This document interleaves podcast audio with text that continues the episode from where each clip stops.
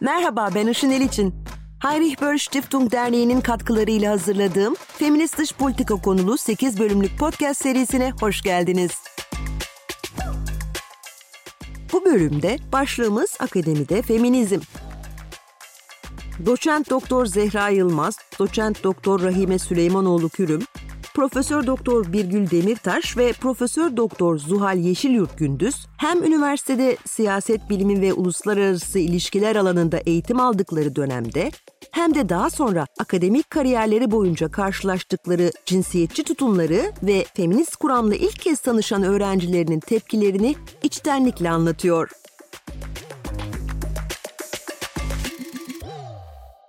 Türkiye'de toplam üniversitelerin %65'ten fazlası 2006 yılından bu yana açıldı. Şimdi bu üniversitelerin çoğunda da uluslararası ilişkiler bölümü var. Bildiğim kadarıyla 67 devlet, 49'u vakıf olmak üzere toplam 116 üniversitede ya sadece uluslararası ilişkiler ya da siyaset bilimi ve uluslararası ilişkiler ismi altında bu bölüm mevcut. Zaten Türkiye'de 208 civarında üniversite olduğu düşünülürse oldukça yüksek bir rakam olduğu görülür. Artık çoğu uluslararası ilişkiler bölümü için diplomat yetiştirmek öncelikli gündem bile değil. Bunu biliyoruz. Esasında Türkiye'de mülkiyeye dayanan uluslararası ilişkiler geleneği eski tabirle hariciyeye yani Dışişleri Bakanlığı'na eleman yetiştirmek üzere oluşturulmuştur. Yani devleti dışarıda temsil edebilecek kişileri yetiştirir Uluslararası İlişkiler Bölümü. Her zaman harici ve askeri arasında paralellikler olduğunu da düşünürüm. Biri devleti dışarıda temsil edecek elemanı, diğeri de dışarıya karşı koruyacak elemanı yetiştirir. İkisi de ana yapısı itibariyle erildir. Çünkü her ikisinde de esas olan devletin gücünü ispat etmek ya da bu gücü korumaktır. Şimdi güç erkekle özdeşleştirilir bu bakış açısında. Bu nedenle de diplomasi ve dış politikada kaçınılmaz olarak eril tanımlanır. Doçent Doktor Zehra Yılmaz'ın da vurguladığı gibi Doçent Doktor Rahime Süleymanoğlu Kürüm de bir önceki bölümde Türkiye'nin diplomasi tarihinde kadınların yeri ve rolünü anlatırken bu eril yapıdan kaynaklı sorunlara dikkat çekmişti. Aile ve iş yaşamı dengesini kurmak bu zorluklardan biri. Nitekim gerek kadın diplomatların kendi tercihleri, gerekse amirlerinin bu zorluğun kadın diplomatların çalışmalarını etkileyeceği varsayımıyla hareket etmeleri sonucu meslekte cinsiyetçi bir iş bölümü var. Bu iş bölümünde erkek diplomatlar mesleğin üst mevkilerinde ve ekonomik ve askeri statü bakımından daha önemli atamalarda yer alırken kadın diplomatlarsa alt seviyelerde, konsolosluk hizmetlerinde ve cinsiyet eşitliğinin yüksek olduğu demokratik ve güvenli ülkelerde kümeleniyor. Ama bu sorun Türkiye'de akademi dahil bütün meslekler için geçerli. Bugün bana deseniz iki küçük çocuğum var. E, dekan olmak ister misiniz? İstemem derim. Neden? Çünkü bu mesleği benim yapmam çok zor. Yani ben kendi günlük maillerim dışında çocuklarımın okullarından gelen onlarca maili yönetmeye çalışıyorum. Yani orada bir not, burada bir not ve veli olarak eşim bir tanesinde olmasına rağmen olmuyor. Yani bu ne demek? Yani çünkü biliyor ki okul bakım emeği hani ben bendedir. E, WhatsApp gruplarında eşim yok ben varım. E, bütün bunlar mesai gerçekten yani bir hesaplasanız. İşte özel alanla özel alana dönüştürmemenin etkisi burada kendini gösteriyor. Toplumsal cinsiyet rolleri gereği kadınlar çocuklarla, evin düzeniyle, bazen de akrabalarla ilgilenmek zorunda kalırken erkeklerin genelde sadece eve ekmek getiren olması bekleniyor. Kadınlar iş hayatına giderek daha fazla dahil olsalar da evdeki iş bölümünde ve aileyle ilgili alınan sorumluluklarda yani Rahime Hoca'nın bahsettiği özel alanda cinsiyet ayrımcılığını ortadan kaldıracak dönüşümün çok uzağındayız. Profesör Doktor Birgül Demirtaş'ın anlatacağı gibi ayrımcılık özel alan, kamusal alan ayrımı yapmıyor.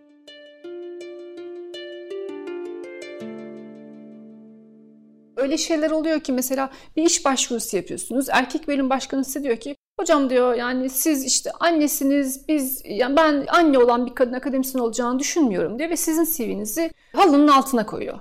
Hiç dikkate bile almıyor. Ya da mesela başka bir hoca ile karşılaşıyorsunuz. Diyor ki biz bölüme kadın hoca almıyoruz hocam diyor. Ve o bölüm yıllarca erkek, sadece erkeklerden oluşabiliyor. İşte sadece erkeklerin olduğu paneller, konferanslar hala düzenlenebiliyor. Yine ben basın sektöründe çalışmıştım bir süre. Orada çalıştığımız kişi anchorman diyeyim. Onun Türkçesi nedir şu anda tam şey yapamadım.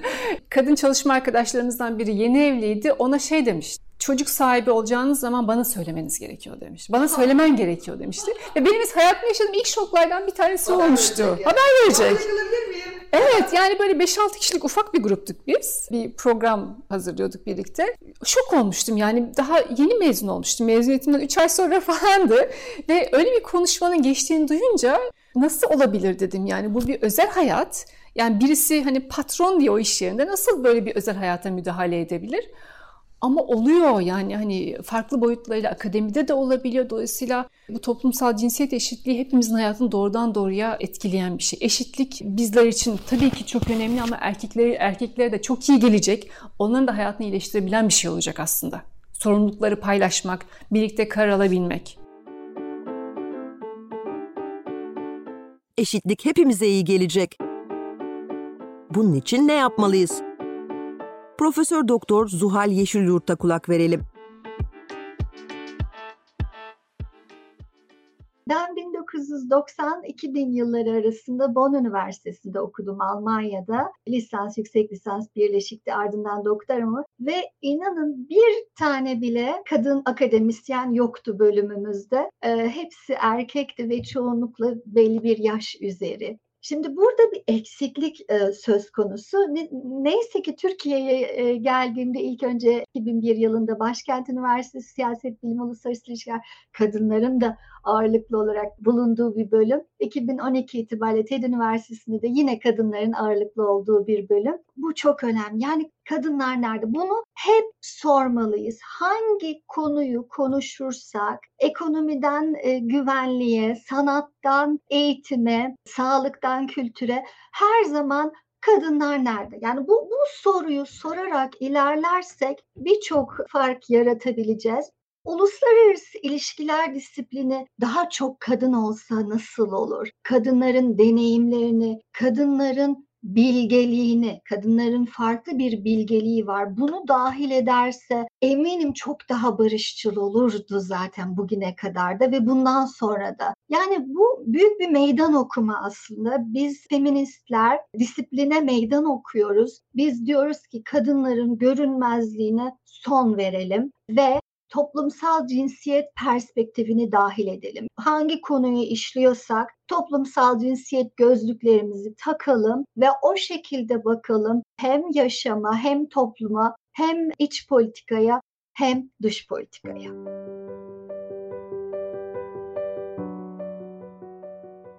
Cinsiyetçi ayrımcılıkla mücadelede eğitim önemli. Feminist failliğe çağrı dersliklerde Feminist Pedagoji adlı derleme bir kitabı da bulunan sosyolog İlknur Meşe, feminist pedagojiyi şöyle tanımlıyor.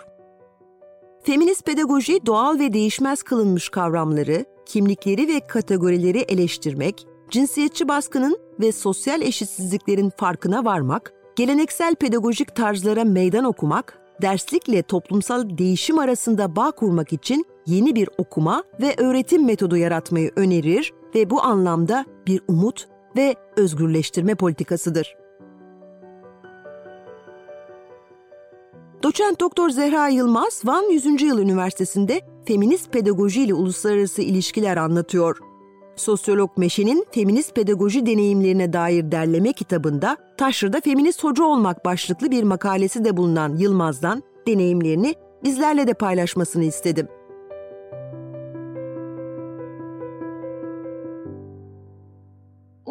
İlişkiler disiplininin ve sisteminin iki temel özelliğinden birinin batı merkezli olması, diğerinin ise erkek egemen bir bakış açısı çerçevesinde gelişmiş olması diyebiliriz. İki temel özel temel özelliğini böyle sıralandırabiliriz. O nedenle de zaten insanı kadını odağına alan feminizm tartışmaları uluslararası ilişkiler disiplinine diğer disiplinlerle karşılaştırıldığında çok geç girmiştir.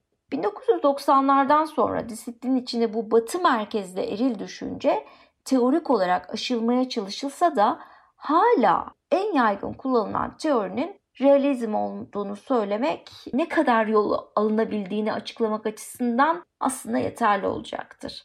Üniversitede eski diplomat bir hocam vardı. Derse başlarken kız öğrencilerine neden uluslararası ilişkiler bölümünü tercih ettiğini sormuştu. Herkes bir şekilde açıklamıştı. En son kendisi dönüp bize kaçınız diplomat olabilirsiniz ki en son mutfağınıza asarsınız diplomanızı demişti.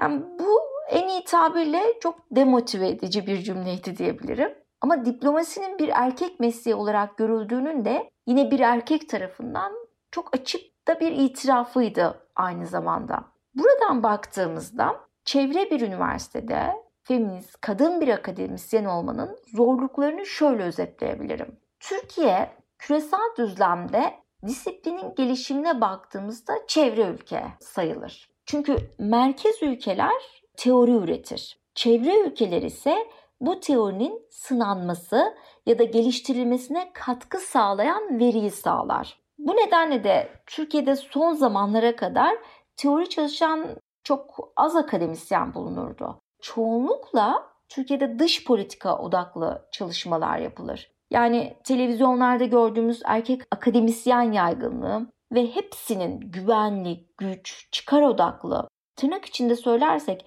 büyük resmi görme halleri de aslında bu nedenledir. Öğrencilerime ders anlatırken de açıkçası aşmakta en çok zorlandığım şey bu oluyor. Yani televizyonlardaki erkek akademisyenlerin yorumlarından o kadar etkileniyorlar ki devletin tek çıkarının güç elde etmek olmayabileceğini, güvenliğin sadece devlet değil insan odaklı da düşünülebileceğini anlatmakta çok zorlanıyorum. Çünkü öğrencilerimiz doğal ve doğru olanın bu olduğunu düşünüyor. Ve sen inşa edilen o doğala karşı bir şey söylüyorsun. Her durumda doğal olan güç, iktidar, güvenlik çıkar olunca senin söylediğin kadın, insan, çevre, insan kaçakçılığı ya da ne bileyim insani müdahale, yoksulluk gibi konular tali ve gereksiz algılanıyor. Türkiye'nin çevresi taşrasında bir üniversitede uluslararası ilişkiler dersi verirken benim için ikinci bir zorluk ise feminist bir kadın olarak ders anlatmam. Ne demek bu? Uluslararası ilişkiler disiplini batı merkezi ve eril bir disiplin. Buna aşmaya dönük çokça teorik tartışma yapılmış olmasına rağmen bu egemen anlayışın hala aşılabildiğini söylemek çok güç. Feminizme ilişkin yaygın algı ise beyaz, orta sınıf kadınların ideolojisi olması.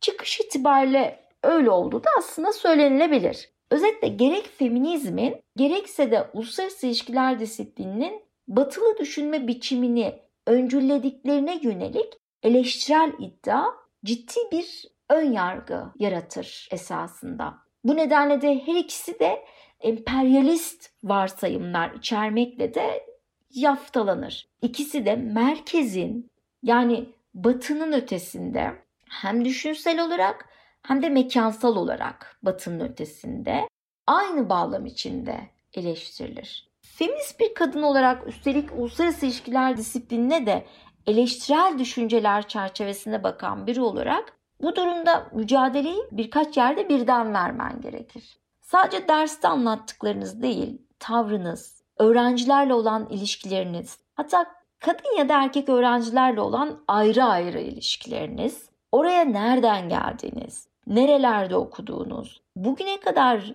ne tür ayrıcalıklardan faydalandığınızı ölçmeye yarayan ölçüm birimleri olarak kullanılır hep. Ayrıca içinde yaşadığınız toplumun değerlerini ne kadar anlayabileceğinizi ölçmek için de ne kadar iyi bir anne ya da eş olduğunuz, evli olup olmadığınız gibi konuların tamamı ders performansının bir parçasını haline gelir birden. Erkek hocalar çoğu zaman aynı performansı göstermek zorunda kalmaz. Zehra Yılmaz'dan sonra Türk Alman Üniversitesi'nden Profesör Doktor Birgül Demirtaş'tan da İstanbul'da feminist hoca olma deneyimini bizlerle paylaşmasını istiyoruz. Ben yani hangi dersi anlatsam onu bir şekilde bu toplumsal cinsiyet eşitliği vurgusunu yapmaya çalışıyorum. Mesela uluslararası ilişkilere giriş dersini verdiğimde e, mutlaka işte feminist uluslararası ilişkiler teorisinden de bahsediyorum. Teori dersi veriyorum. Orada e, iki haftayı ayırıyoruz bazen feminist uluslararası ilişkiler teorisine. Şöyle yani farklı farklı aslında yani farklı farklı algılamalar var. Yani bazı öğrenciler şöyle düşünebiliyorlar. Yani hani bunu vurgulamaya ne gerek var? Yani bu toplumların e, gelişmesiyle alakalı bir şey. Hani bu zamanla kendiliğinden zaten daha daha iyi olacak. Yani bunları daha çok konuşmanız, daha çok yazmanız ya da bizim sınıfta bunları ele almamız bu süreci çok ilerletmez gibi düşünüyorlar. Yani bu böyle tarihin bir akışı var. Yani o akış kendiliğinden oluyor gibi düşünen öğrenciler oluyor ilk başta. Yani ilk bu konuları konuşmaya başladığımızda. Çünkü ben genelde e, derslerime soruyla başlıyorum. Yani siz ne düşünüyorsunuz, ne algılıyorsunuz? Ve bu şekilde bazen görüşler gelebiliyor. Sadece erkek öğrencilerden değil, kadın öğrencilerden de bazen böyle görüşler gelebiliyor. Ama sonra işte konuşuyoruz, istatistikleri ele alıyoruz. İşte kadınlar nerede, liderlerin kaçı erkek kaçı kadın, kaç tane kadın dışları bakanı var, kaç tane erkek dışları bakanı var? Ve işte feminist ilişkiler teorisini de anlatınca o zaman öğrencilerde farkındalığın arttığını düşünüyorum. Ve ben hani konuk da çağırıyorum bazen derslerim ya da işte online olarak diğer hocaları da davet ediyorum. Ve Cynthia Enlow 2019'da Türkiye'ye geldiğinde TED Üniversitesi'nin davetiyle gelmişti. İstanbul'a da gelmişti ve İstanbul'daki konuşmasında Sabancı Üniversitesi'nde olmuştu konuşma. Ben öğrencilerimi de davet etmiştim ve cuma akşamıydı. Çok da fazla umudum yoktu biliyorsunuz İstanbul zaten cuma trafiği her yer çok yoğun. Ama o toplantıya gelen sadece kadın öğrencilerim olmadı birkaç erkek öğrencim de oldu. Ve o zaman o kadar çok mutlu oldum ki. Yani bu sadece şey değil yani yani bu meseleyle kadınlar ilgilenecek ve bu sorunlar çözülecek. Öyle değil. Yani bizim erkeklerle de mutlaka erkek öğrenciler, erkek hocalar onlarla da doğrudan dayanışmaya ihtiyacımız var. Biz ancak birlikte bu sorunları çözebiliriz. Hatta bizim bir yazdığımız kitapçık da var. E, Burcu Özdemir ve Zeynep Alemdar hocayla eşitlik hepimiz için gerekli. Eşitlik hepimize iyi gelecek. Yani bu şey gibi değil. Hani eşit olurlarsa kadınlar daha iyi olacak. Hayır. Toplum daha iyi olacak. Dünya daha iyi olacak refah artacak, barış artacak, güvenlik artacak. Bu hepimiz için iyi bir şey. Bu konudaki farkındalığında ben giderek daha fazla arttığını düşünüyorum. Ama dediğim gibi ilk başta konuşmaya başladığınızda bazen öğrenciler e, buna ön yargılı ya da bu hani siyaset biliminin konusu olabilir ama hani dış politikada ne alakası var diye düşünebiliyorlar ama doğrudan doğruya örnekler verdiğinizde küresel siyasetten. O zaman farkındalığın kesinlikle arttığını düşünüyorum. Bunları sınıf ortamında konuşmak, paylaşmak bu çok önemli. Çünkü bazen gençler de o kadar onlar da kendi fikirlerini söylüyorlar. Bazen bizim göremediğimiz unsurları anlatıyorlar. Kendi hayatlarında yaşadıkları ayrımcılıkları anlatıyorlar. Bunları birlikte konuşmak, birlikte paylaşmak çok önemli diye düşünüyorum. Hatta ben kendimden şöyle bir örnek de verebilirim. Lisansın son sınıfında işte bizde daha çok seçmeli dersler vardı. Seçmeli ders ağırlıklıydı. Ee, Yeşim Arat Hoca Gender and Politics diye bir seçmeli ders veriyordu.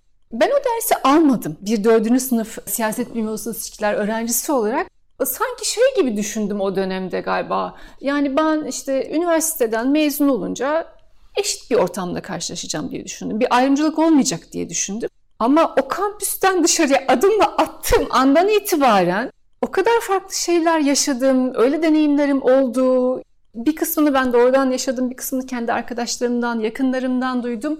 Gördüm ki bu öyle bir şey değil. Yani hakikaten bu toplumsal cinsiyet eşitliği, ben üniversite mezunuyum, benim başıma eşitsizlik gelemez. Bu öyle bir şey değil. Yani sizin kariyeriniz ne kadar iyi olursa olsun, ne kadar iyi eğitiminiz olursa olsun, yine de sistemik olarak eşitsizliklerle karşılaşıyorsunuz. Ben şu anda çok pişman o dersi almadığıma. Bugün şimdi vaktim olsa gidip Yeşim Arat Hoca'dan o dersi alıp kendisinden dinlemeyi çok isterim. O kadar üzülüyorum ki düşününce. Neden Feminist Dış Politika başlıklı podcast serimiz bir sonraki bölümle sona eriyor. 8. ve son bölümde bu seri boyunca görüşlerine yer verdiğim akademisyenlerin daha barışçı bir dünya için geleceğe dair görüş ve temennilerini dinleyeceğiz.